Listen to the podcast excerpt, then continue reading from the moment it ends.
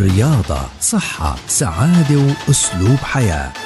نصائح ومعلومات رياضية مهمة لجسم صحي وسليم. تسمعوها يوميا عبر أثير أجيال مع الكوتش. مجدي الرابي مدرب الرياضة المحترف. مع الكوتش بودكاست من أجيال. يأتيكم كي تطوروا أجسامكم نحو صحة أفضل. أهلا وسهلا فيكم عبر منصات أجيال المختلفة. يسعد أوقاتكم. اليوم بدنا نحكي عن موضوع بيصير مع الكل. كثير ناس وخاصة الناس اللي بيروحوا جديد على الجيم فبيروحوا ببلشوا تمارينهم بلشوا يحركوا إيديهم بلشوا يحركوا ظهرهم. لما يكونوا قاطعين فترة طويلة عمالهم بحركوا عضلات. صار لهم زمان مش محركينها أو بحركوها لأول مرة.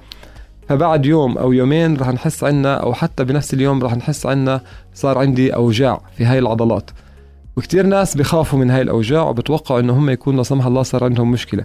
بحب أحكي لهم إنه لا بالعكس هذا إشي طبيعي وهذا ردة فعل الجسم وزي إشارة منه عمالها بتبلغكم إنكم أنتم مارستوا الرياضة بطريقة صحيحة وأدت لأنه يصير عندي هذا الوجع.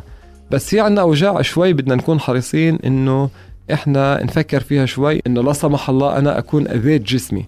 كيف بدي أعرف هاي الأوجاع؟ كيف بدي أعرف إنه هاي الأوجاع ناتجة من التمرين صحيح أو أنا عملت تمرين غلط؟ إذا كان عندي التمرين صحيح هاي الوجع ما بضل عندي لفترة أكثر من أسبوع. يعني أنا بمارس تمرين اليوم بعد أسبوع مفروض يكون الوجع راح كليا. إذا أنا حسيت الوجع زاد أكثر من هاي المدة فبدي أبلش أفكر شوي. إذا حسيت والله بلش يزيد أسبوعين أو ثلاثة فأنا حيكون في عندي مشكلة ولازم أراجع. هذا إذا أنا كان الوجع عندي خفيف بس إذا كان الوجع زايد عن حده وحسينا حالنا مش عمالنا بنقدر نمشي مش عمالنا بنقدر نتحرك مش عمالنا نقوم ب مش عمالنا بنقدر نقوم بعملياتنا اليومية بطريقة صحيحة فأنا لازم ألجأ مباشرة للطبيب المختص. نتمنى الصحة والسلامة للجميع.